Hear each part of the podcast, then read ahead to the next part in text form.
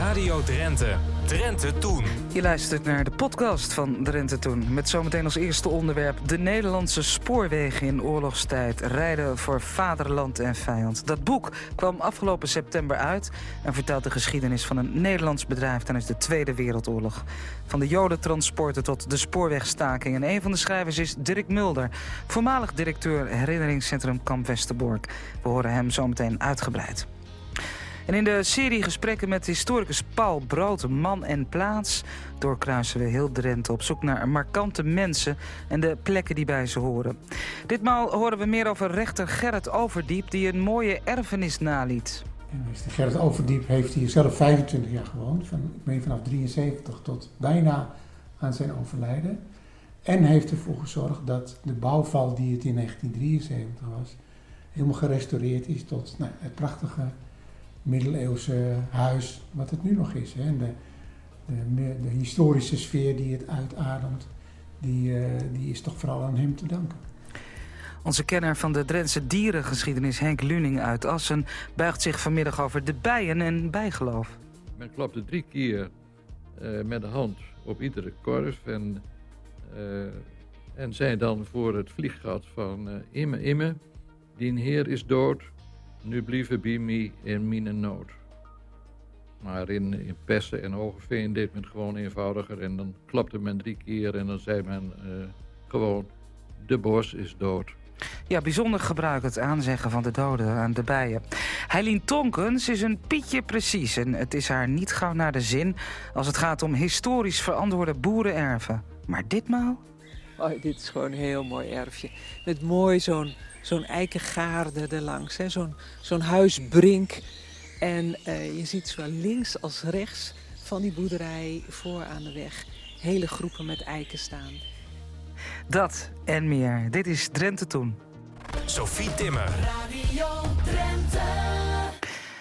Afgelopen september kwam de Nederlandse spoorwegen in oorlogstijd rijden voor volk en vaderland uit.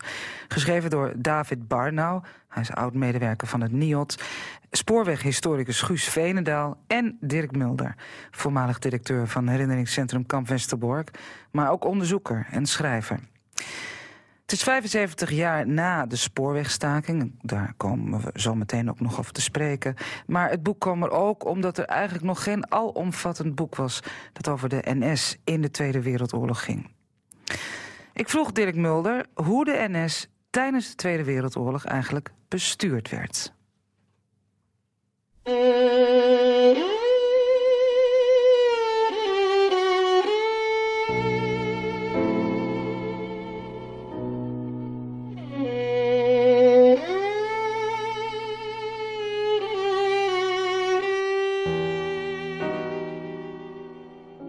Belangrijkste maatregelen die werden in Berlijn genomen. Uh, dat ging eigenlijk om twee dingen. Uh, de datum uh, werd bepaald van, in Berlijn en het aantal mensen wat moest worden gedeporteerd. En dat waren eigenlijk de twee gegevens. Die gingen dan naar Den Haag of naar Amsterdam. En eh, men moest in Nederland maar zien om daaraan uh, tegemoet te komen. Maar dat waren eigenlijk heilige punten.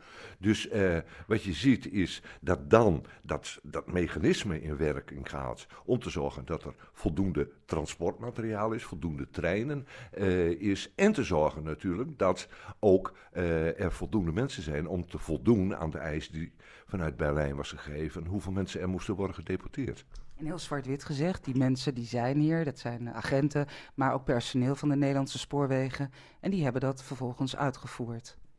Het is oorlog, dus je kunt je daar iets bij voorstellen, maar um, kun je je er ook iets anders bij voorstellen? Ja, de, achteraf zou je er wel iets, eh, veel meer anders bij voor kunnen stellen. Maar we moeten ons proberen even toch hè, naar die periode te doen. En wat je ziet in algemene zin, en dat was ook uh, in wezen de opdracht vanuit Londen, de Nederlandse regering in Londen, van uh, aan uh, organisaties, aan bedrijven, aan, aan het onderwijs, aan doktoren, aan de politie, zorgen voor dat het leven eigenlijk zo normaal mogelijk kan doorgaan. Nederland, de Nederlandse samenleving, zeker de Nederlandse economie, moest niet op zijn gat komen te liggen. En in dat kader, en dat zie je bij de eh, bij eh, de NS ook, dat de leiding van de NS heel nadrukkelijk eigenlijk zich heeft voorgenomen, of het voelde als een opdracht, zorg dat eh, die treinen blijven rijden, zodat de hele infrastructuur en de economische bedrijvigheid in Nederland ook op gang bleef. Want men dacht, als we dat niet doen, als we alles platleggen, dan is de ellende waarschijnlijk nog groter. Dus dat zie je eigenlijk overal, zie je dat wel achter. Maar, naast de deportatie van alle Nederlandse Joden en, en anderen, was er dan nog een, een parallele wereld waarin het dagelijks leven gewoon doorging en, en mensen met de trein van A naar B reisden? Ja, het, uh, het, personenvervoer in de oorlog heeft een enorme bloei doorgemaakt. En dan heb, heb ik het even niet over uh, de transporten van de Joden, maar het gewone personenvervoer heeft een enorme bloei doorgemaakt. Dat had natuurlijk ook wel te maken met andere zaken. Hè, gebrek aan benzine, dus het autoverkeer werd steeds uh, minder. Nou, dat zie je ook, hè, meeste mensen kennen dat wel, die enorme gasgeneratoren worden dan op bussen of op auto's gezet. Maar het gevolg was dat met name het busvervoer ook langzamerhand in de loop van de oorlog bijna helemaal verdween. En het enige alternatief was natuurlijk de uh, spoorlijn. Want daarmee kon men in heel Nederland komen. Dus dat blijft gewoon doorgaan. Sterker nog, dat wordt alleen maar uh, nog bedrijviger. Ja, wat ik me ook niet realiseerde, maar na lezing van het boek wel, is dat het spoorwegnet destijds A. veel uitgebreider was dan nu. En B. Door de Duitse bezetter werden ook bepaalde haltes en stations weer geopend die al dicht waren. Ja. Dus dat is, dat is een veel dichter en drukker netwerk dan vandaag de dag. Ja, we hebben het nu wel eens over hè, om, uh, om lijnen weer te openen, zeker in Groningen en in Drenthe. En dat waren allemaal lijnen. Hè. De, toen kon je nog met de trein, uh, als ik dat even, even neem, uh, dat, is, kort, of een paar jaar terug is die weer teruggekomen, maar kon je van Zuidbroek naar Veendam, zo naar Stadskanaal, helemaal naar Terapel. En je kon van Terapel kon je naar Emmen met de trein. Uh, die lijnen die zijn allemaal later verdwenen. Maar die waren er toen nog, die konden gebruikt worden. Uh, er waren wel uh, in de tweede helft van de jaren 30, zeg maar, toen het, zeg maar, het busvervoer sterk begon toe te nemen, werden er ook haltes werden er gesloten. Alleen die waren er natuurlijk wel, die gebouwtjes waren er wel. de infrastructuur was er nog. En wat je dus ziet is dat tal van die stationnetjes, die worden weer geopend. En dus dat net, dat spoorwegnet in ons land was, uh, was veel dichter dan, uh, dan wat we nu kennen. Maar was het nou zo dat de, dat de nazi's een geolied bedrijf aantroffen dat makkelijk aan te sturen was? Of waren ze zelf zo georganiseerd? Hoe, hoe, hoe zat die wisselwerking? En ja, we hebben het nog niet over de spoorwegstaking gehad. We hebben het ook nog niet over de onwil gehad van de NS, hier en daar wellicht. Maar was het een wisselwerking tussen de, tussen de bezetter en de Nederlandse spoorwegen?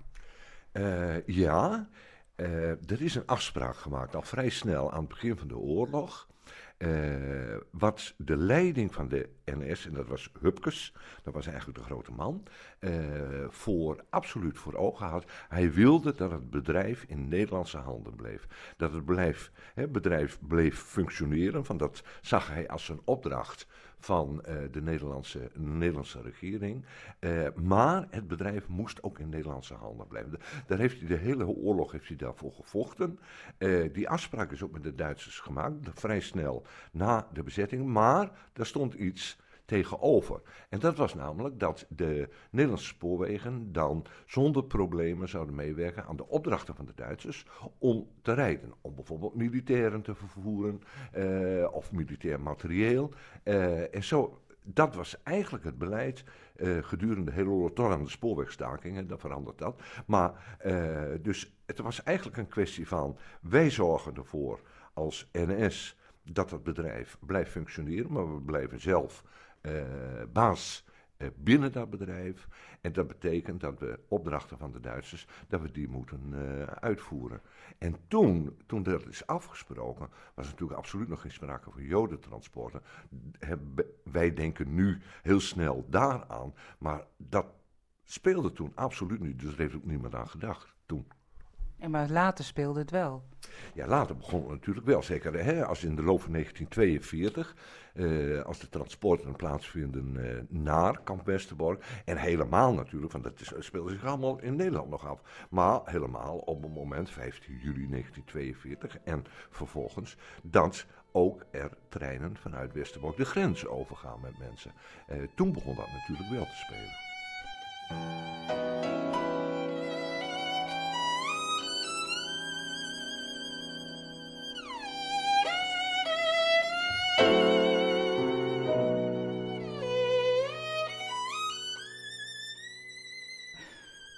Om, dit voor elkaar te krijgen, mensen s'nachts in treinen stoppen, dat, ja, daar kun je je niks bij voorstellen. Nee, dat had de, dat Duitse eh, bezetter ook absoluut niet voor elkaar gekregen. Eh, daarvoor eh, was, was er dan toch gebrek aan personeel. Als niet de Nederlandse samenleving, en ik formuleer het nu heel breed, hè, maar zo moet je het ook zien. Als niet de Nederlandse samenleving daar niet op een, eh, ja, eigenlijk op een hele pragmatische wijze aan had meegewerkt. Hè, dat geldt voor eh, de ambtenaren eh, die meewerken om, eh, want dat is een van de eerste belangrijke maatregelen natuurlijk in het hele verhaal, om een om onderscheid te kunnen maken tussen Joden en niet-Joden. Eh, dat ga je administratief doorvoeren. Nou, uiteindelijk is het fysiek ook zichtbaar doordat Joden verplicht worden om de ster te dragen. Het begeleiden als mensen eh, na een oproep uit zichzelf toch kwamen. Het begeleiden daarvan was in de regel een werk van de Nederlandse politie. Gewoon. En gewoon normale, niet het, de, die, die, die, je hebt in Amsterdam op een gegeven moment, dan krijg je de zogenoemde schalkhaders. Dat waren politiemensen die echt opgeleid waren in de nationaal-socialistische sfeer. Eh, maar daar hebben we het even niet specifiek om. Het gaat gewoon om het hele eh, politiekorps in, in Nederland. De NS rijdt de treinen. En zo doet ieder dus eigenlijk zijn, eh, zijn werk, zijn normale werk. En doet dus een bijdrage aan de hele Jodendeportatie. dus nogmaals, die had niet kunnen plaatsvinden als niet eh, al die Nederlandse organisaties, instellingen en bedrijven. En ook particulieren daar niet hun, eh, hun medewerking aan hadden verleend. Ja, want ja, hoe, hoe, hoe langer het geleden is, hoe, hoe sterker soms bepaalde, bepaalde relaties tussen het een en het ander verwateren. En er is dus geen sprake van dat mensen vrijwillig op de trein stappen. Er is in meeste, vrijwel alle gevallen, nauwelijks een alternatief denkbaar in die tijd voor deze mensen die op de trein stappen met hun ouders, grootouders, kleine kinderen. Ja, eh, dat, dat, dat is heel goed die vraag. Hè? Van, eh, dus er kwam, eh, wat normaal gebeurde, er kwam dan een oproep, eh, kwam eh, binnen bij mensen dat ze zich op een bepaald moment eh, op een bepaalde plaats moesten melden om van daaruit naar Westerbork te worden vervoerd. Ehm, goed. Geen gehoor geven aan die oproep. Denken van, dit is foute boel. Wat was dan je alternatief? Alternatief, bijvoorbeeld Anne Frank, eh, of beter gezegd, de vader van Anne en haar moeder, die dan besluiten te zeggen van, we duiken onder. Hij had de mogelijkheden, of zij hadden de mogelijkheden. Maar in de meeste gevallen, en zeker ook in het begin, dus in 42, 43, als het verzet in ons land eigenlijk nog in ontwikkeling is en nog niet die omvang heeft die het eh, in 44 had. eh, en dan zijn eigenlijk, dan is de Joden, eh, eh, Jodenvervolging is bijna alweer ten einde. Eh, dus welke alternatieven waren er? Dat is één. Dus gewoon had je de mogelijkheid om onder te duiken. eh, maar dan nog, wat betekende dat? En zeker als je een gezin had met kinderen, eh, op één plek onderduiken kon niet. eh, want dat was te gevaarlijk, dus dat moest gescheiden worden. Maar die plekken, we denken daar heel makkelijk over. En dan zeggen we, nou ja, dan ging ik door het bos in of zoiets. Maar zo eenvoudig lag het natuurlijk niet. Want je moest ook eh, toch blijven leven. En op het moment dat je ondergedoken was, bestond je dus niet meer. Dus, en we hadden een heel distributiesysteem op dat moment in Nederland. Voor eten, voor kleren, nou noem maar op. Daarvoor had je bonnen eh, nodig en een distributiestamkaart. Eh, maar op het moment als jij onderdook, was jij dus verdwenen en kreeg je dat ook niet meer. Dus je had absoluut hulp nodig van anderen. En eh, er is wel eens gezegd van, dat het heel beperkt is geweest, het verzet in Nederland. Maar als je kijkt wat er nodig was voor één onderduiker, hoeveel mensen dat daaromheen zaten om dat mogelijk te maken, dan is dat natuurlijk, dat is de keerzijde van waar we het zo pas over hadden, over dat er in algemene zin werd meegewerkt aan de jodentransporten. Dat staat er tegenover natuurlijk. Dat mensen ook, alleen dat komt pas in de loop van de bezetting, wordt het beter georganiseerd. En zoals gezegd, eh, maar het belangrijkste blijft, denk ik, dat mensen eh, over het algemeen de gedachte hadden, nou ja, eh, goed, Westerbork, kan Westerbork, ach, erger kan het altijd nog. En als je daar maar zit, dan, en dat blijft eigenlijk zo, die hoop uh, ook als mensen werden gedeporteerd, algemeen ook de gedachte, hoewel men heen en weer werd geslingerd natuurlijk, tussen aan de ene kant hoop, maar ook aan de andere kant wanhoop. En, maar om dan dit soort beslissingen of uit het kamp te ontsnappen, want die mogelijkheden die waren er echt. Want het kamp Westerbork was niet zo streng beveiligd en daar kon je makkelijk uit ontsnappen. Maar daar zaten dan maatregel tegenover. Dat de kampcommandant had gezegd van als één persoon, als iemand ontsnapt, dan wordt de uh, worden tien anderen of de rest van de barak of worden jouw familieleden gedeporteerd. Nou dat, en neem dan die beslissing maar.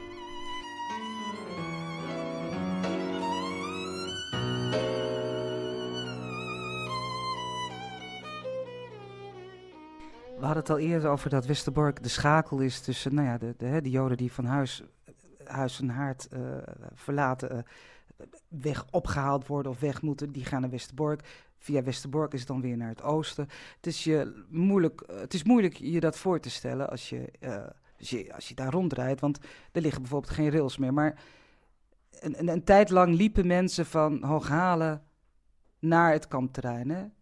En dat waren, dat waren enorme aantallen mensen die dat hebben gedaan. Enorme aantallen. Eigenlijk, eigenlijk alle Joden liepen daar. Of, en later via een, een, eh, een, een haastig aangelegde, of haastig... Ja, een, uh, een aangelegde aftakeling. Ja, toen de, toen de transporten begonnen, moesten dus de mensen die aankwamen uit alle delen van Nederland, toen nog veel ook uit het westen, Amsterdam, die moesten uitstappen in Hooghalen, dat was een stationnetje, en moesten vandaar lopen naar het kamp. Dat is een afstand van vijf kilometer. Dus het was uh, een chaos van hier tot Gunder. Zeker als er hele grote transporten waren. Want het omgekeerde gold hetzelfde. Dat transporten die vertrokken naar Auschwitz of uh, andere uh, concentratie- en vernietigingskampen. Die vertrokken ook weer vanaf dat station. Dus vervolgens. En mensen moesten, nou, kortere of langere tijd, maar meestal hele korte tijd, in het kamp te zijn geweest, moesten ze weer lopen van het kamp. Nou je kunt je voorstellen dat met oude vandaag, kleine kinderen en zieken, dat er allemaal een, uh, een behoorlijke puinhoop was. Uh, mensen lieten hun bagage achter en er moesten, weer, moesten boeren opgetrommeld worden om hun paard en wagen het spul weer op te halen. Uh, en de, de toenmalige commandant, van het kamp, de, zeg maar de eerste echt Duitse commandant van het kamp, die heeft het eigenlijk al voordat die transporten beginnen, heeft er in de gaten van, we moeten zorgen dat er eigenlijk, dat die trein in het kamp kan komen. En dat die mensen er niet hoeven te lopen. En hij geeft dan ook opdracht, dat wordt dus heel snel al gedaan, eh, om een, ik noem dat altijd een aftakking, maar spoormensen noemen dat een aansluiting. maar ik denk vanuit hè, dat, dat er dus een lijn eh, wordt gelegd vanaf uh, Hooghalen. En die loopt dan uh, door, wat nu het bos is, uh, loopt, liep helemaal door tot in het kamp. En waar nu het monument is, met een omhoog gebogen spoorrail, afgeschud door die muur met keien. Als mensen daar zijn, moeten ze kijken achter die keien. Want daar ligt nog het originele stootblok. En dus tot zover liep die, liep die lijn. En dan nou, dat duurde even. Hè. De, een aantal maanden hebben ze nodig om dat aan te leggen. En dan in uh, begin november van 1942, dan rijdt de trein dus het kamp in en rijdt de trein ook weer vanuit het kamp als ze naar het oosten, uh, naar de transporten in het, uh, naar het oosten gaan. En dus die periode van, laten we zeggen, uh, tot november 1942, zowel voor de binnenkomende transporten als voor die uitgaande, die zijn allemaal door mensen lopend moeten worden afgeleid. En dan hebben we het over zo'n 30.000 mensen die dat hebben gedaan. Het, het, heeft vrijwel geen zin om te speculeren wat gebeurd is is gebeurd zoals het gebeurd is. Maar stel nou dat, dat iemand die spoorlijnen had gesaboteerd, opgeblazen. Er is ongetwijfeld over nagedacht. Ehm, had, had het verloop dan anders kunnen zijn? Nee. Eh, er is zeker over nagedacht. Hè. Er is over gesproken binnen het verzet. Er is ook over gesproken in Londen eh, door de regering in ballingschap. En eh, algemeen was de gedachte van dat heeft eigenlijk geen enkele zin. Eh, voor Londen gold ook nog, hè, Nederland was een van de geallieerden en was natuurlijk niet de machtigste daarin. Eh, dat werd bepaald door met name Engeland en de Amerikanen. En die hadden heel nadrukkelijk als primair doel eh, Duitsland militair te verslaan. Eigenlijk moest alle energie, alle militaire energie, moest daarop gericht zijn. Want in de loop van de oorlog waren de vliegtuigen, de geallieerde vliegtuigen, waren in staat om tot boven Auschwitz te komen. En zijn dat ook wel geweest. Ehm, dus dat punt van eh, bombarderen van eh, spoorlijnen, dat werd nadrukkelijk niet gedaan, tenzij het een militair doel had. Uh, dat is een keuze geweest uh, destijds. Uh, desondanks heeft men natuurlijk het verzet in Nederland, heeft daar wel over gesproken. En er is een plan dat niet ten uitvoer is gebracht, maar ik denk wat wel, dat wel serieus was. Alleen, het was in een beginfase, dat was verzetsman dominee Ader uit Nieuw-Beerta in Groningen, die samen met zijn vrouw diep in het verzet zat. En Ader uh, van hem is bekend dat hij een plan had om uh, kamp Westerbork te bevrijden, de gevangenen in het kamp te bevrijden, met een trein. En daar zou aan gekoppeld zijn dat zeg maar, in de buurt van Nieuwe Schans, waar de treinen de grenzen overgingen, dat daar een spoorongeluk zou plaatsvinden, zodat er ook geen treinen meer langs konden. Nou, dat plan heeft geen verdere invulling gekregen. Er zijn wel voorbereidingen voor getroffen, uh, maar geen verdere invulling gekregen, omdat Ader als gevolg van uh, verraads is gearresteerd en gefusilleerd. Dus dat plan verdween. Maar je kunt dus zeggen dat er niet alleen over is nagedacht, maar nadrukkelijk ook dat er wel ideeën en plannen waren. Maar een van de belangrijke getuigen eigenlijk voor die uh, transporten vanuit Kamp Westerbork. Dat was een leerlingmachinist uh, destijds, hè, die op die trein reed vanaf Westerbork naar Nieuweschans. En die heeft, daar, uh, ook, die heeft zich daar natuurlijk ook mee bezig gehouden en zegt ook van, het had niks uitgemaakt. Want hij noemt er wat voorbeelden van, nou, soms ook als gevolg van uh, niet, niet een uh, doelbewuste actie, maar dat er een bom viel op een spoorwegemplacement of bij een station. En uh, in welk sneltempo de Duitsers dat weer herstelden. Bovendien, je kon heel op veel manieren kon je natuurlijk die grens met de, met de trein over. En als dat niet mogelijk zou zijn geweest, reken maar dat dan de Duitse bezetter uh, andere middelen had gevonden. Want dit was prioriteit. Hè? De vervolging en de moord op de Joden, dat was absolute prioriteit. Dus ik, je kunt hooguit zeggen dat het misschien dan uh, wat, wat in tijd uitgerekt was. Maar ik denk dat je wel moet zeggen dat het uiteindelijk mm, geen verschil had gemaakt. Tot slot, uh, heb jij bij, bij, het maken van, van het schrijven van jouw hoofdstukken in dit boek nog iets ontdekt wat je nog niet wist? Ja, meerdere dingen. En uh, daar moet ik nadrukkelijk mijn collega's van het herinneringscentrum in betrekken. Van uh, Bas en Guido en José, die hebben heel veel onderzoek gedaan. Daar kon ik uh, mij ook weer op baseren. maar we hebben met z'n allen hebben een aantal dingen toch heel nadrukkelijk naar voren gehaald. En een van die dingen is dat we het beeld hebben dat die transporten allemaal in, en zo worden ze dan ook genoemd, in V-wagons plaatsvonden. Uh, dat is onderzocht en de conclusie daarvan is dat zeker 60% van alle transporten in personenrijtuigen is gebeurd. Dus ons beeld is daar heel anders van. Dus dat is ook wel verklaarbaar. Uh, onder andere die Westerbork-film, die hele bekende transportbeelden. En dat is in, met, ja, men noemt dat veewagens, maar eigenlijk moet je zeggen goederenwagens.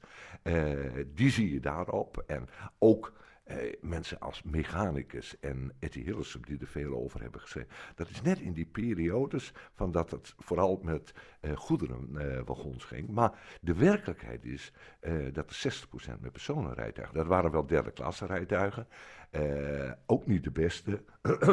Afkomstig uit heel Europa, wat maar rijden kon, dat werd eigenlijk gebruikt.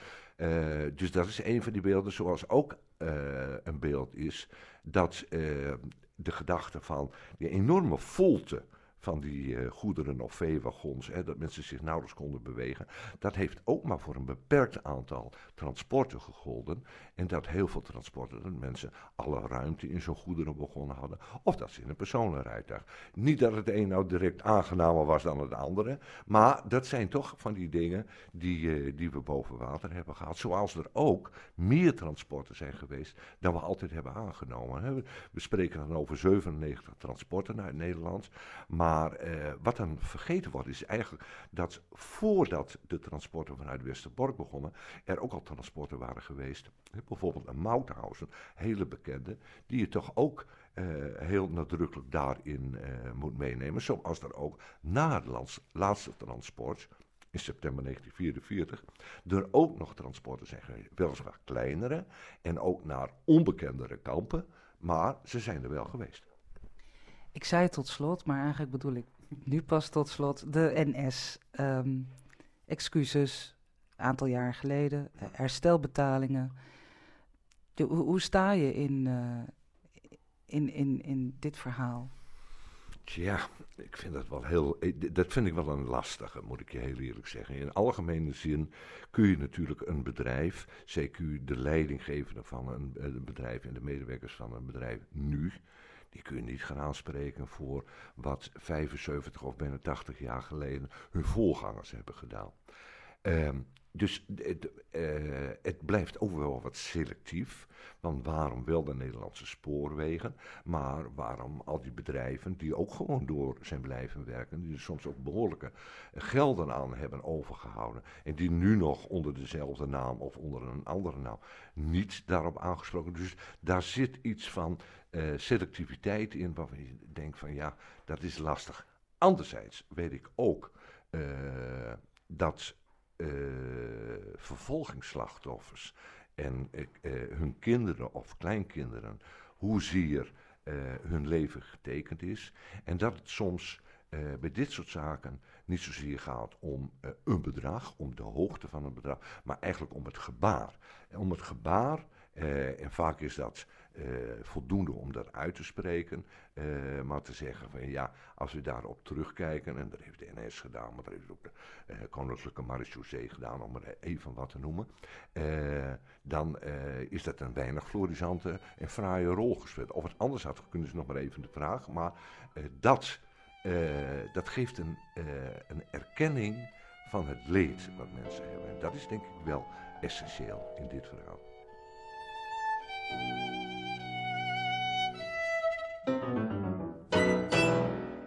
Dirk Mulder was dat. En het boek De Nederlandse spoorwegen in oorlogstijd... rijden voor volk en vaderland mogen we weggeven. We mogen één exemplaar verloten. Als je mee wil doen, dan moet je even een mailtje sturen naar drentetoen.rtvdrenthe.nl. En de muziek die we tussendoor hoorden, het waren kleine stukjes... maar die was van Chaco van Schie en Adriaan Stoet. Old Nijs. In alle kranten van grofweg 100 jaar oud vind je de prachtigste verhalen die vaak met gemak ook een halve krantenpagina groot bent. Ik zal proberen één van die verhalen voor je samen te vatten. Een verhaal over geluidsoverlast en fijnstof, ja, dat had hij toen ook al. Geschreven door een verslaggever van de provinciale Drijnse en Asserkrant van 29 juli 1924. En dat verhaal in het Drijns begint als volgt. Ik was verleden jaar nog bij een oud huis en die zei tegen mij... Kerel, wat doet het mij nee van je dat je nooit iets in de kraan wat vertelt over Roelf Ooms schaaphok. Waar ik jarenlang tegen aangekeken heb als ik voor het glas achter het spinnenwiel zat. Het was hier soms altijd een oordeel als de schaap met het veld kwam en het dorp inging. Soms, in tijd als de kleine lamer met de kop met ging, was een geschro dat je heurden en zien vergaan zul uit aanheurden moesten zoals wij, die er zo dicht aan wonen. En als de schapen eraan kwamen, dan kun je de ogen niet kijken, zoveel stof was er in de lucht. Het verhaal ging hier over Rolf Ooms schaaphok. Een schaaphok van Rolf Oosting dat in de buurt stond van de Koesteeg in Burger. Als op de schapen eraan kwamen uit het veld, dan waren er altijd wel zo'n 20, 30 boerenjongens in en bij Rolf Ooms schaaphok.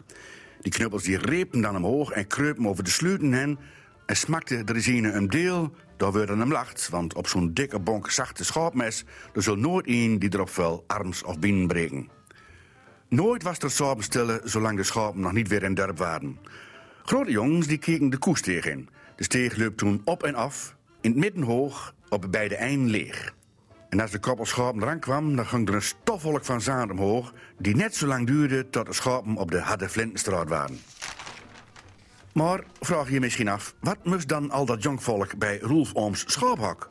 De schapen gingen links en rechts het dorp in. En denk nou eens even dat je een euschaap hebt met tien lamer.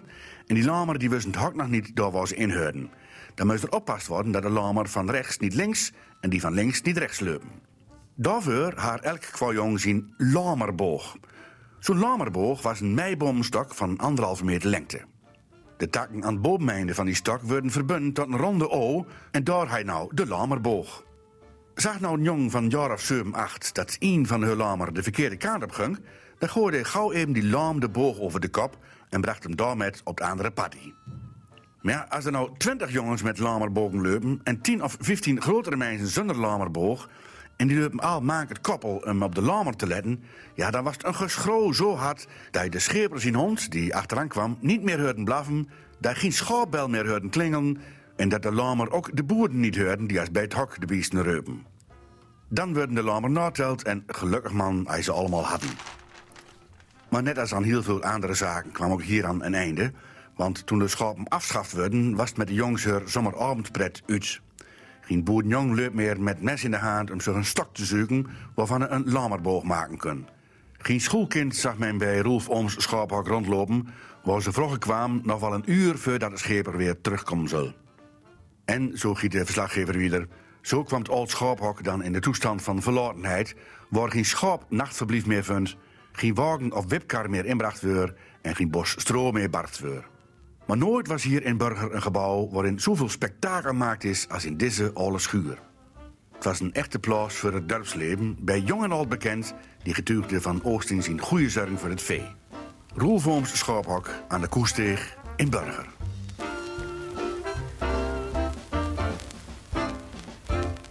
Ja, ik vond het zo mooi woord. Rolf Ooms, schaaphok, daar ging het over in Old Nijs. En meer oud nieuws eh, in het volgende. Radio Drenthe presenteert opnamen uit het archief. We gaan terug naar 1972. De Rono is aanwezig bij een eh, speciaal, eh, eh, tijdens een speciale uitzending... ter gelegenheid van het eeuwfeest van Nieuw-Weerdingen. Nieuw-Weerdingen is 100 jaar jong. We horen een koor en onder andere iemand die als kind al in het veen werkte. En als jongeman. Mooi verhaal.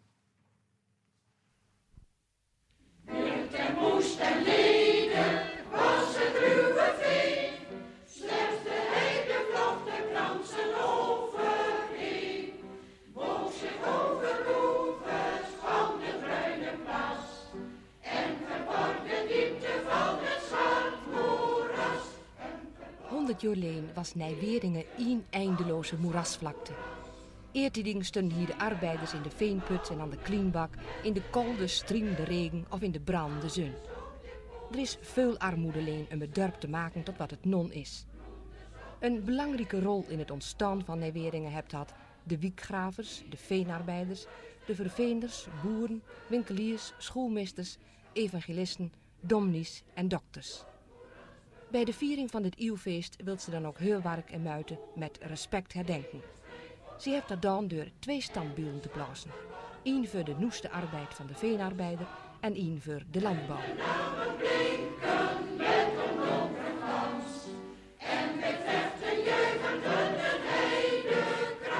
Nou, ik was 12 jaar, dan ben ik be- begonnen te werken. En twee net als andere kinderen, mijn andere arbeiders ook. Eh, in, maand dan begon de, vrouw en de kinderen die daarmee gingen, die gingen bewerken in een natterturf. Dat werd bewerkt, bij zijn, ik ken wel normen vernemen, wat had het nemen, dat weten misschien toch niet wat het allemaal is. Dat was opsmieten en uh, en goeden.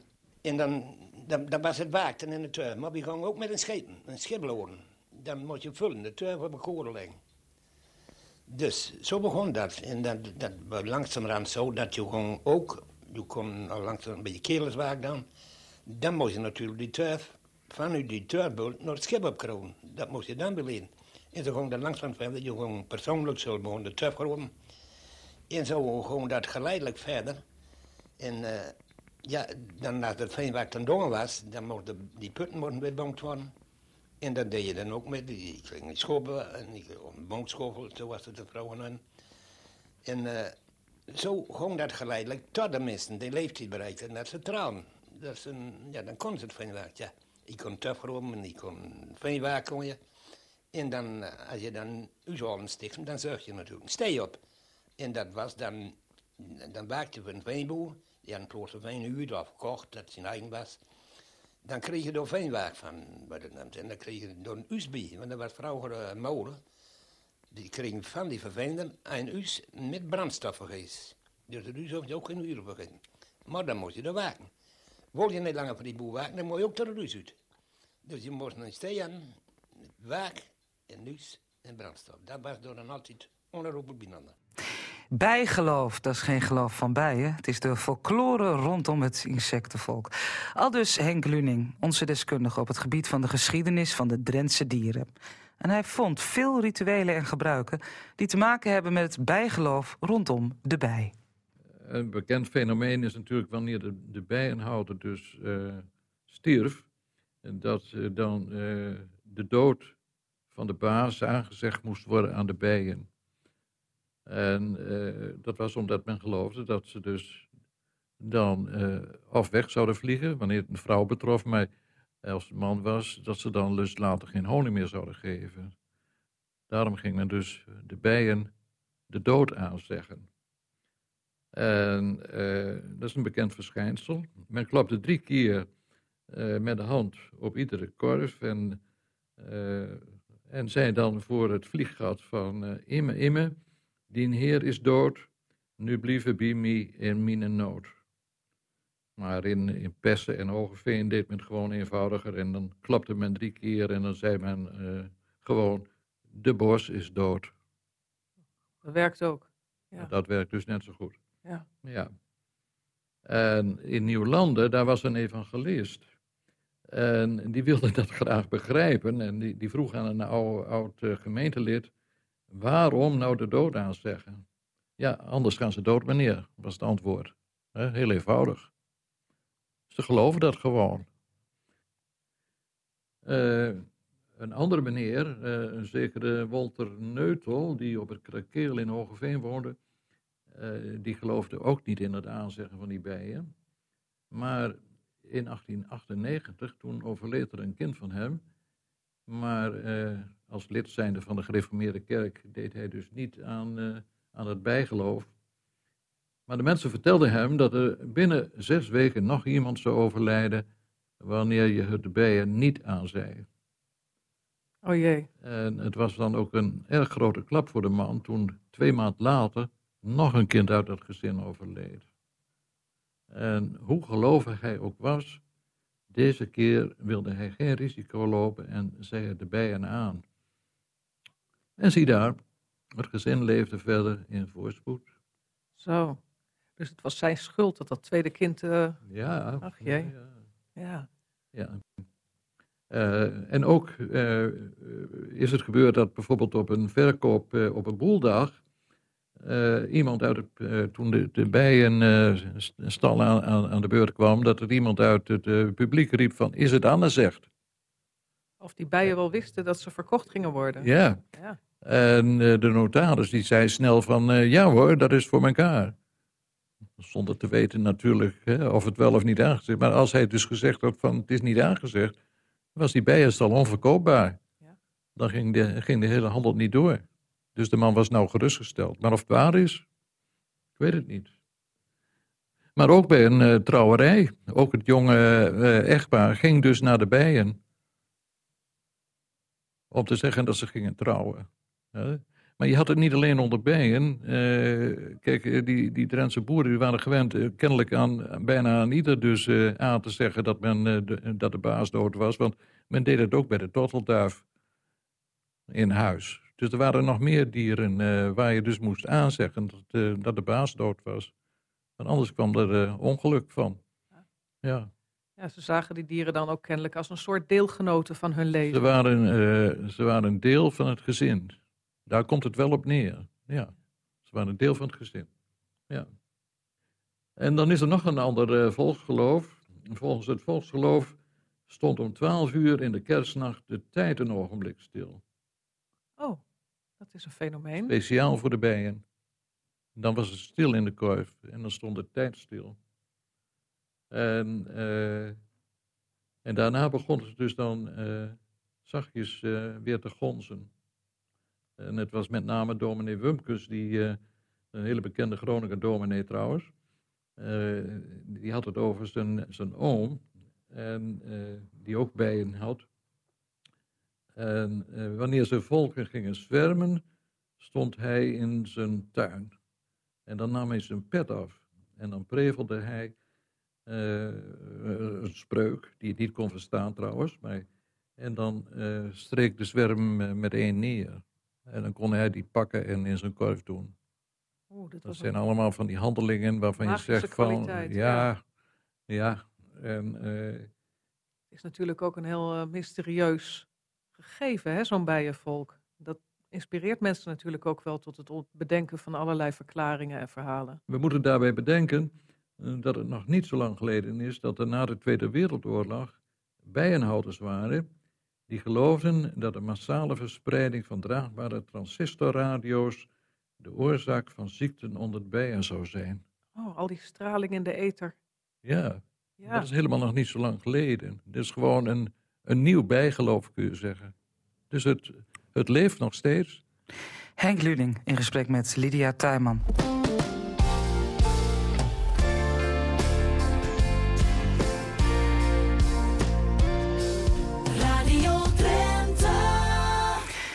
Luistert naar uur 2 van Drenthe Toen. Zometeen meer op een speciale website die aanstaande woensdag de lucht in gaat. Over 75 jaar vrijheid in Nederland. En een boerenerf dat wij gaan inspecteren met deskundige Heilien Tonkens. Maar eerst, woensdagochtend, 11 december aanstaande. Dan is het precies 75 jaar geleden dat het Huis van Bewaring in Assen, dat is op een steenworp afstand van waar wij hier nu zitten aan de Bijlenstraat 30, door het verzet werd overvallen. En gevangen verzetstrijders zijn bevrijd. Dat was een levensgevaarlijke onderneming die ik nu ga bespreken met Wil Arends. Ik heb hem aan de telefoon. Goedemiddag, meneer Arends. Goedemiddag. Zeg, u woont in Wageningen, meneer Arends, maar het grootste deel van uw leven heeft u in Drenthe gewoond, hè? Ik heb eh 50 jaar in eh, Drenthe gewoond, waarvan de laatste jaren eh 30 in eh, Rolde. Ja.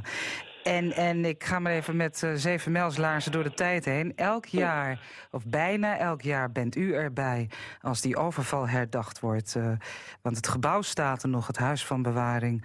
Het is al jarenlang geen gevangenis meer.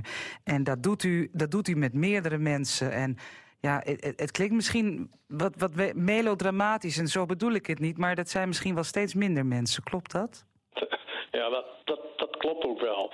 We zijn begonnen in, ehm, in even kijken, in, negen, in 1999 eh, voor de eerste keer samen met Gerrit Krol, de schrijver, en zijn vrouw. Ja. Eh, bij diezelfde deur. Mhm. Om te herinneren, te herdenken dat dus daar die overval heeft plaatsgevonden. En dat vonden we zo belangrijk. En wij dachten ook, wij zijn vast niet de enige.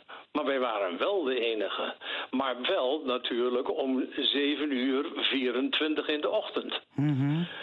De het tijdstip waarop de overval heeft plaatsgevonden. Ja, en, en die overval, hè? eh, de Gideonsbende, zo noemden ze zich. Het waren Mhm. jonge mannen, echt, nou, echt heel erg jong, in de leeftijd van 20 tot 24, meen ik. U kent die verhalen natuurlijk. Eh, kunt u ons kort, eh, de, de, de luisteraars, kort schetsen hoe, hoe dat gegaan moet zijn? We waren er beide niet bij, maar u weet er meer van, hoe, hoe, het, hoe het geweest was? Eh, Die ochtend, overval ja, die overval. Ja, Ja, nou, kijk, ehm, het merendeel van de knokploeg die zat in die gevangenis. En ze wisten bijna zeker dat ze geëxecuteerd zouden worden. Dat wisten ze bijna wel zeker. Dus ja, dan kom je voor de keuze wat te doen. Kunnen we er nog iets aan doen? En toen hebben ze besloten om toch een overval eh, door te zetten. Want die zekerheid, die zekerheid van executies, dat was eigenlijk de drijfveer. Ja. Ze hebben, ze hebben ook weerstand gehad. Want er waren ook mensen in Assen die er tegen waren. Die zeiden er komen represailles. Maar hoe dan ook, die knokploeg heeft het doorgezet. Ja. En er zijn natuurlijk niet alleen maar die verzetslui eh, bevrijd, maar er zijn ook meerdere anderen bevrijd. Zoals eh, de bekende Arnold Douwers, Ja. genoemd Jorenredder. Ja. heeft het boek geschreven, hè, dat, dat, eh, dat dagboek. En daar komt het dan ook in voor dat hij bevrijd werd. En hij was uitermate verbaasd dat de, de celdeur open ging. Want hij dacht van, nou, mijn laatste uur is geslagen. Ja. Want de overvallers waren in eh, Duits militair kostuum. En hij dacht werkelijk, nou ja, dit is het, dit is het einde. Dit is het, ja. ja. Maar hij, hij zag dat die Duitser, hè, tussen haakjes, lachte. En de, de cel open liet staan, de celdeur. En nou, en toen werd hij dus eigenlijk naar beneden gejaagd. Want ze moesten dus in de rij gaan zich opstellen voor vervoer. Dus al met al is het dus eigenlijk ja, een geluk voor eh, Arnold Douwers geweest. Nou ja, dat hij dus ook mee kon Ja. met de bevrijders. Ja. Zeg, wat zo bijzonder is, eh, meneer Arends... u heeft meerdere leden van die knokploeg gekend en ook Jan Bulthuis. En Jan Bulthuis eh, die was daarbij, hij is al een paar jaar geleden overleden. Ehm, en de familie Bulthuis woonde eigenlijk min of meer om de hoek. hè. En vanuit het ouderlijk huis van Jan Bulthuis... heeft die operatie plaatsgevonden. Kunt u, kunt u daar wat over vertellen en over uw contacten met Jan Bulthuis? Ja, kijk, dat is natuurlijk het geweldige dat je nog kunt spreken met mensen die die overval uitgevoerd hebben, eh, heeft. Maar ook eh Freek Bastiaanse heb ik gekend. En dat was dus de, de leider van de overvalploeg. maar om even bij eh, Jan Bulthuis te blijven staan. Die is vele keren ook bij ons thuis geweest. Er is door ehm, Pia van der Molen een, ehm, een documentaire gemaakt. En die is ook een gedeelte daarvan is bij ons huis gefilmd. En daar was Jan ook bij. En die kon natuurlijk ter plekke vertellen wat er dus gebeurd was. Dus zo heb ik aardig wat informatie gekregen over zijn deel aan deze overval. Ja, en het tijdstip, hè, u, staat daar om 7 uur 24 bij de deur Mhm. van het Huis van Bewaring. Dat is om, omdat, omdat de overval toen begon. Kijk, ehm, eh, de zus van eh, Jan Bulthuis, eh, Marie Bulthuis, die heeft dagen staan posten aan de overkant. Er is zo'n nisje in de muur en daar, daar stond ze dan om te kijken hoe die eh, afwisseling van de wacht plaatsvond. Hè. Dus eerst kwamen de Duitsers eruit om zeven uur. Die gingen dan naar de overkant waar het politiebureau was. En om half acht kwam dus de Nederlandse eh, wisseling van de wacht. En op dat moment stormden dus de jongens die voor het Huis van Bewaring in de bosjes lagen naar voren en duwden zich naar binnen om de eerste man te overmeesteren. Ja. Ja, en- dat kon Jan natuurlijk allemaal vertellen. Ja. Hij, hij was wel degene die in het bosje lag met een stuk of wat eh, granaten, handgranaten en een, en een pistoolgeweer. eh, zoiets als een, eh, als een stengun, die er in overvloed aanwezig waren door alle droppings die hebben plaatsgevonden in, eh, in Drenthe. Ja, en, en de hele overval zelf duurde, duurde geloof ik nauwelijks een kwartier, hè? Ja. Hooguit. Ongelooflijk. Ja, fantastisch, nietwaar? Ja. En daar heb ik nou zo'n eh, bewondering voor. Ja. Eh, dat dit door jonge mannen van, nou ja, iets in de begin twintig eigenlijk... dat die dat tot zo'n perfecte overval hebben uitgevoerd. Dat die Ja. dat konden doen. Maar ik moet eerlijk zeggen, niet zonder de vrouwen. Dat thema speelt vandaag aan de dag ook nogal aardig mee. Maar het waren dus de koeriersters die de communicatie eh, onderhielden. Dus er moest gefietst worden van Assen naar. ehm, eh, even kijken, eh, de- de- waar zaten ze daar in de. Nou, dan ben ik even de naam kwijt. En, Veenhuizen? waar? Eh, Bedoelt u Veenhuizen, waar ook mensen zaten? Maar... Nou, daar, daar zaten ze dus ook wel. Ehm, maar daar kwam dus een, een, een overvaller vandaan. Bill, Bill Woering was zijn naam. Die heb ik ook go- goed gekend.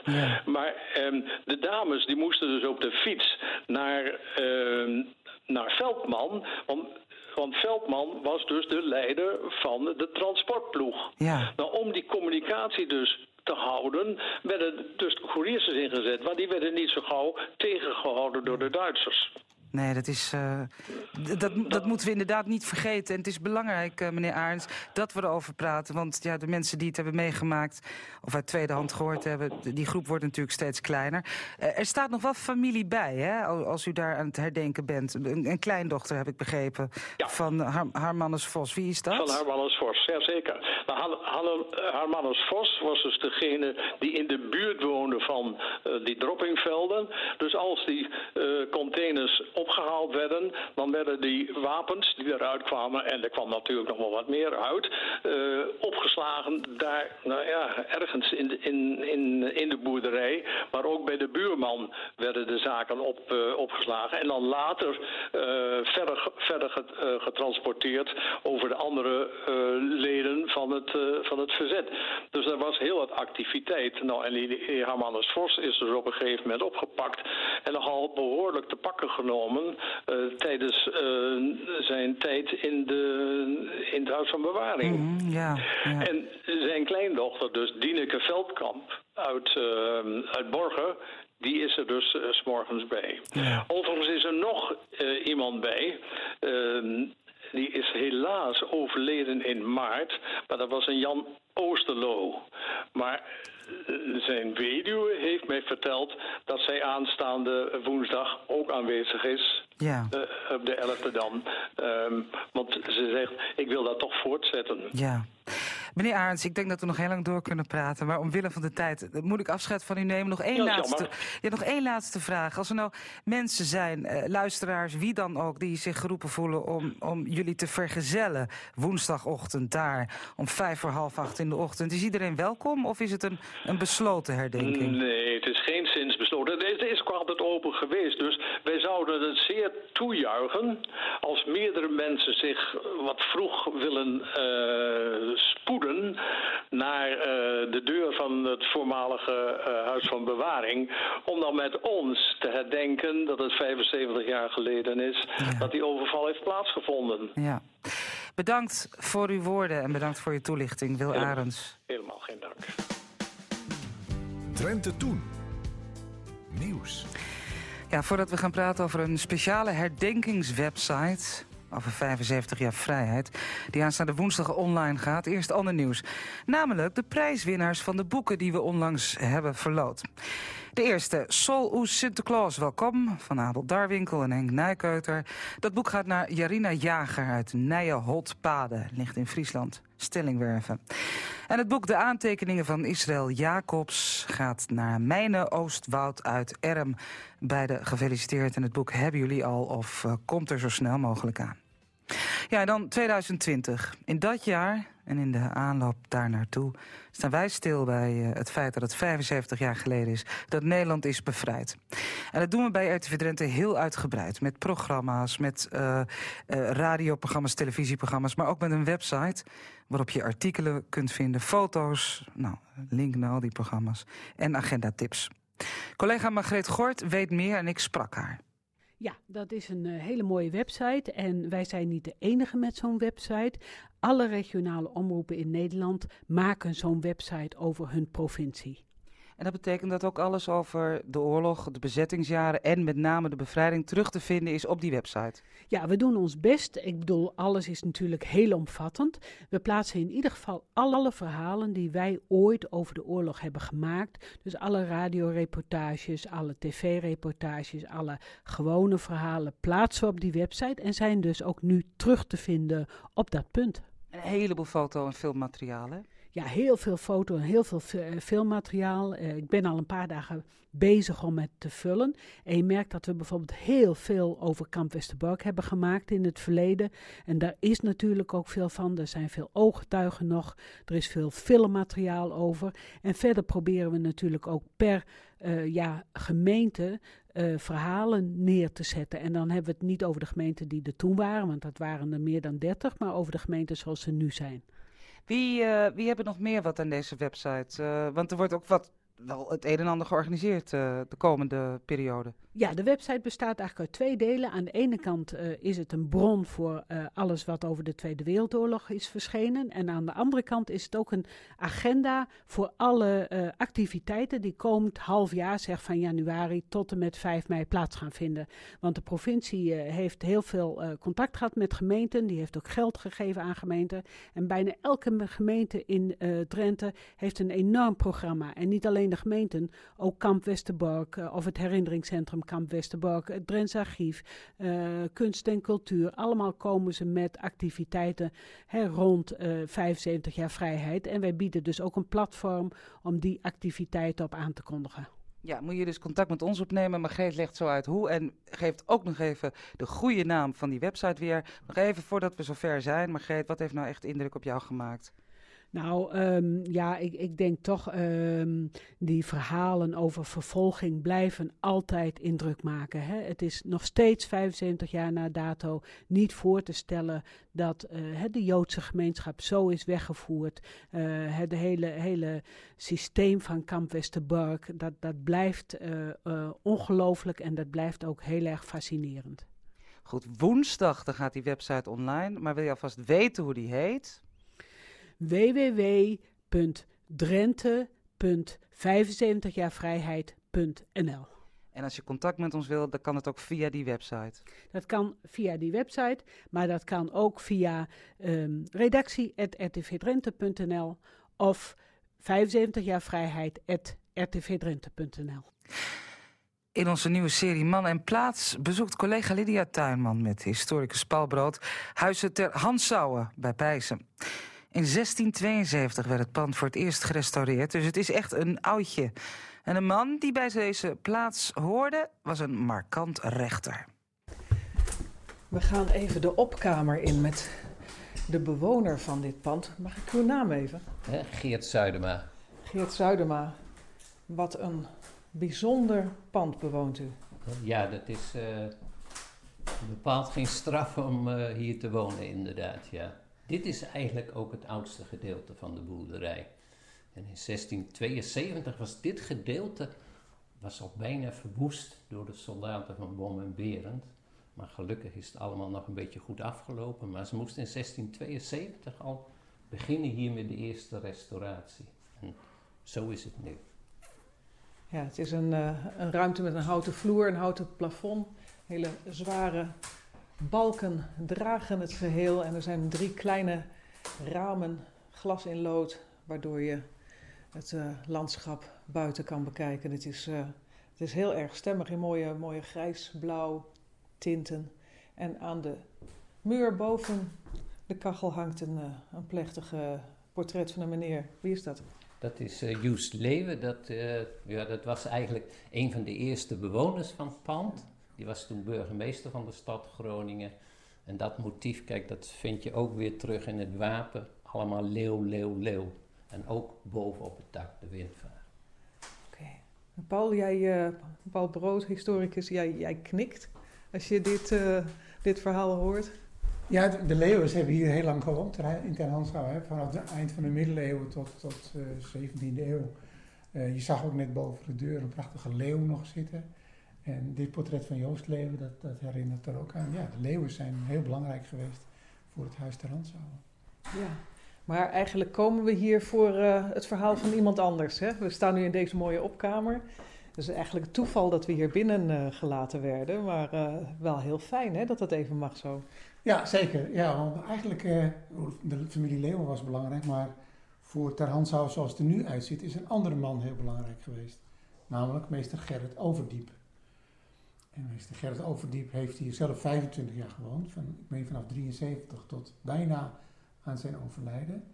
En heeft ervoor gezorgd dat de bouwval die het in 1973 was, helemaal gerestaureerd is tot nou, het prachtige middeleeuwse huis wat het nu nog is. Hè. En de, de, de, historische sfeer die het uitademt, die, uh, die is toch vooral aan hem te danken. Ja, uh, die meneer uh, waar we het nu over hebben.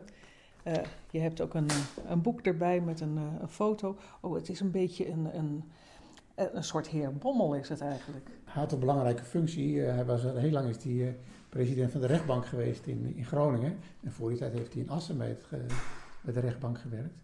Maar hij is eigenlijk vooral bekend geworden in Nederland door zijn strijd tegen de krakers. Hij leefde in de jaren 70, 80 was hij rechtbankpresident en had vooral natuurlijk te maken met de krakers. En dat vond hij maar helemaal niks. Dat jonge mensen aan het bezit, aan de eigendom van, van anderen kwamen. Dat, dat stuitte hem zo tegen de borst dat hij haalde daar ook regelmatig de krant mee. Anderzijds was het wel een hele bijzondere man en probeerde uh, ook oplossingen te vinden. Hij, zijn voorliefde ging uit naar het kort geding, want het kort geding kenmerkt zich door dat je niet zozeer recht spreekt, als dat je probeert oplossingen te vinden. En daar was hij heel erg uh, daarop uit. Ja, als ik dat plaatje zo zie, uh, dan ja, er is echt zo'n beetje zo'n heer van stand. Hè, met een uh, driedelig uh, pak aan en een, hij heeft een, volgens mij een glaasje cognac in de hand als ik dat zo zie. Um, wat heeft hij betekend voor dit, voor dit pand? Want eigenlijk staat het hier nog dankzij hem, als ik dat zo begrijp. Was, voor die tijd was het echt een, een vervallen boerderij. En hij had heel veel historisch besef. net in de tijd dat hij hier kwam wonen, was hij ook voorzitter van de stichting Boetangen. En eigenlijk is hij de drijvende kracht geweest voor de restauratie, de reconstructie van de vesting Boetangen. Dat hebben we eigenlijk ook voor een belangrijk deel aan hem te danken. Hij was heel erg geïnteresseerd in de krijgsgeschiedenis in Noord-Nederland. En vond zo'n Boetangen, dat vond ja, daarmee kon je de geschiedenis heel goed laten zien. En eigenlijk heeft hij met het huis ter Hansouwen, waar we nu zijn, een beetje hetzelfde bedoeld. Hè? Laten zien van hoe het er vroeger uitzag. Zag, en dat vooral zo laten uh, handhaven en aan nieuwe generaties laten zien, kijk, zo leefde men vroeger. Ja, het is nu een, uh, een huis dat uh, bewoond wordt door mensen die dat uh, huren, maar het is in bezit van het Drentse landschap. Is eigenlijk niet te bezichtigen, denk ik, hè? Nee, volgens mij ook niet. Nou, het is plezierig dat het in bezit van het Drentse landschap is. En dat betekent dat het in ieder geval de samenleving er goed voor kan zorgen. Hè, want met z'n allen steunen we natuurlijk het Drents, het Drents landschap. Um, en het, dat is ook wel mooi, want het, nadat hij overleden was, is, was er toch een tijdje was er gedoe over van ja, wat gaat er nu gebeuren met zo'n uh, zo'n pand? Wie kan dat bekostigen? En, maar, maar dit is in ieder geval een goede oplossing, lijkt mij zo. Ja, ik loop nog even rond hier. Het is, zo'n mooie kamer met een kobaltblauwe vloer. En hier is een, een bedstee. Oh, dat lijkt me gezellig om daar te slapen, zeg. Mooie gehaakte sprei erop. Dit is niet voor het eerst dat je hier bent, hè? Nee, ik heb het geluk gehad een paar keer met uh, Overdiep hier uh, gesproken te hebben over het project waar we mee bezig waren. En dan zat hij daar beneden, in die grote kamer zat hij daar. Daar had hij ook zijn, zijn werkruimte. En ja, het was een heel amabel man, een heel uh, erudiet man ook. Dus als je met hem sprak, moest je ook wel een beetje laten blijken dat je er een beetje verstand van had. Want uh, dan was je tenminste gesprekspartner. En in deze kamer met die grote schouw uh, hield hij dus uh, ontvangst? Ja, dit was ook gewoon de woonkamer volgens mij, en, als ik me goed herinner. En dan zijn vrouw liep dan wat zo er tussendoor, want ze woonden hier maar met z'n tweeën. en ja, hier in deze ruimte had hij altijd met boeken om zich heen en papieren om zich heen. Hij was altijd bezig. Ja, rechter Gerrit Overdiep. Hij overleed op zijn ter handzouwen op 12 januari 1998, 79 jaar oud. Je Lydia Tuinman in gesprek met historicus Paul. Op zoek naar de historische elementen van het boerenerf komen deskundige Heilien Tonkens en collega Lydia Tuinman terecht op het onderwerp erfafscheiding. En al wandelend door het dorp Wapserveen stuit het tweetal op de aanblik van iets prachtigs. Buiten Wapserveen, een uh, forse boerderij. En dit is volgens mij te zien aan de glimlach op jouw gezicht iets uh, wat je graag ziet. Oh, dit is gewoon een heel mooi erfje. Met mooi zo'n zo'n eikengaarde erlangs. Zo'n zo'n huisbrink. En uh, je ziet zowel links als rechts van die boerderij voor aan de weg hele groepen met eiken staan. Hier en daar hele dikke. Je komt er hier en daar ook een oude dooie die er nog tussen staat. Maar je moet je ook begrijpen dat als hier bomen tussen wegvallen, nieuw bijplanten lukt ook niet, want het is te donker. Dus het zijn gewoon ja, links, rechts prachtige, mooie voorbeelden. Ja, behoorlijk wat kapitaal kun je zeggen wat er hier staat. Hè? Ja, ook al zien we dat vandaag de dag niet meer zo. Hè. We zien een eik natuurlijk niet meer uh, als, als kapitaal, denk nee. ik. Nee, nee, iedereen denkt alleen maar, oh, last van blad. Ja. Eikenprocessierup zullen we het dan nog helemaal maar niet over hebben. Maar eh, het wordt meer als een last gezien. Terwijl dit natuurlijk heel mooi is. Je ziet dat er gras onder staat. Hè, en uh, daar kunnen beesten op lopen. Ja, je kan kort met je grasmaaien maaien. Maar dat is dus ook een plek waar nog wel wat beesten kunnen lopen en wat scharrelen. En dit is dan uh, zo'n voorbeeld van echt een, een brink. Een privébrink bij, een bij je. Ja. ja, ja. En in bepaalde plekken in de provincie kom je dat hier en daar tegen. Het is natuurlijk heel veel verdwenen. Maar uh, waar het staat is het gewoon prachtig. En je ziet dat die eiken links, rechts zorgen uh, voor de aankleding van de boerderij. En de tuin, de boerderij ligt met de kop naar de weg. Er zit nog een kleine voortuin voor, met een greppel naar de weg, geen heg. Rechts en links, een beetje gebogen naar de gevel toe. Uh, ja, kleine stukken bloementuin. Er zijn wat heesters neergezet. Er staat nog een klein boompje in. En, echt een mooie boerentuin naar jouw ja, smaak. Ja, ja. Aan de ene kant kun je zeggen, je ziet wel waar ik het ook wel eens over heb dan, hè, dat al die heesters die worden niet hoger dan de vensterbank, zodat je er goed overheen kan kijken. En aan de ene kant denk ik, nou, er mag best wel even, even iets meer de hoogte in voor de aankleding. En wat je hier ook ziet, het uh, pad wat naar achteren loopt, de geschiedenis is daar ook mooi te zien met de bestrating. Dus ja, ja, daar moeten we dan even naartoe lo lopen, ja. want dat kan ik van hieruit niet zo uh, zien. Daarvoor moeten we even de weg oversteken.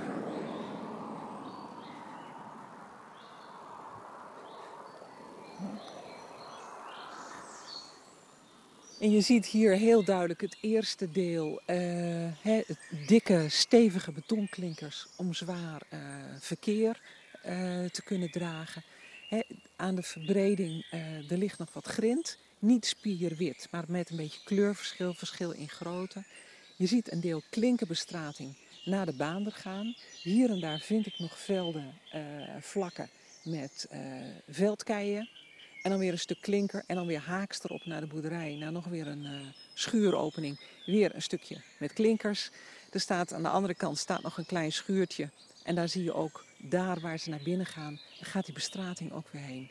He, het is niet allemaal egaal hetzelfde. Er zit een beetje relief in. Maar het is wel een stukje geschiedenis van zo'n erf. Het is een, uh, jouw uh, geliefde historische lappendekentje, zeg maar. Ja, ja, ja. ik hou wel van patchwork. Hergebruik. En als je daar goed naar kijkt, naar zo'n schuur, dan zie je dat ook. Met allerlei soorten planken en materiaal is zo'n schuurtje gebouwd. En dat heeft ook zijn charme. En vaak hoor je van mensen ook, dan zeggen ze, oh, dat is een mooi plekje, dat wil ik graag zien. En dan, uh, daar zou ik wel willen wonen. En dan vraag je, wat is het? En dan zeg ik soms ook wel eens uh, heel vals, ja, en dan gaan jullie er wonen. En dan wil je allemaal dakkapellen en pergola's en vijvers. Wat blijft er dan over? Niet zoveel. Van die oude charme. Ja. Dat oude lapwerk. Helene Tonkens, samen met Lydia Tuinman. En volgende week gaat het over de do's en don'ts van heggen en lindes. Ja, het zit er alweer bijna op, deze Drenthe Toen. Zondag 8 december, maar natuurlijk niet voordat we geluisterd hebben naar een jeugdherinnering. Van Wiebe Kruijer, voorgelezen door Robert Oosting.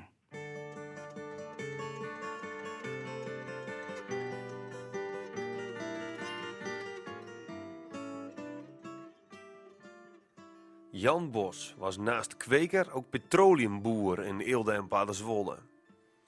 Het was een wat klein uitgevallen mannetje. Hij droeg zijn hoofd altijd wat scheef en liep met een karakteristieke snelle tred, waarbij hij overmatig met zijn armen zwaaide. Als je hem tegenkwam met zijn paard en wagen, groette hij altijd met een vriendelijk hallo. Jacob had hem waarschijnlijk beter leren kennen toen ze beiden voor de organisatie TOT moesten werken. En vond ook zijn manier van spreken wel komisch. Want hij imiteerde hem graag en vaak. Bos hield Jacob eens bezwerend staande met de woorden... Nou heb ook wat voor die Jacob. Een echte oude stotenbibel.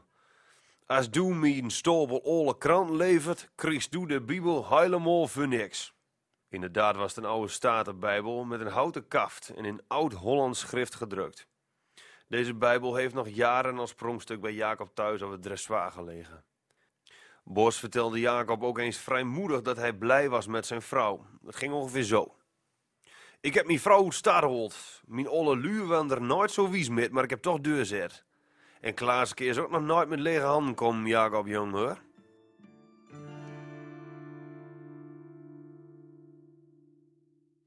Ja, blijft bijzonder. Wiebe Kruijer, voorgelezen door Robert Oosting... en het laatste onderdeel van dit programma. We gaan... Je luisterde naar de podcast van Drenthe Toen. Dank je wel. We hopen dat je het leuk vond. En als dat zo is, geef ons dan zoveel mogelijk sterretjes. En luister ook eens naar de andere podcasts van RTV Drenthe. Die van Cassata of de Sportcast.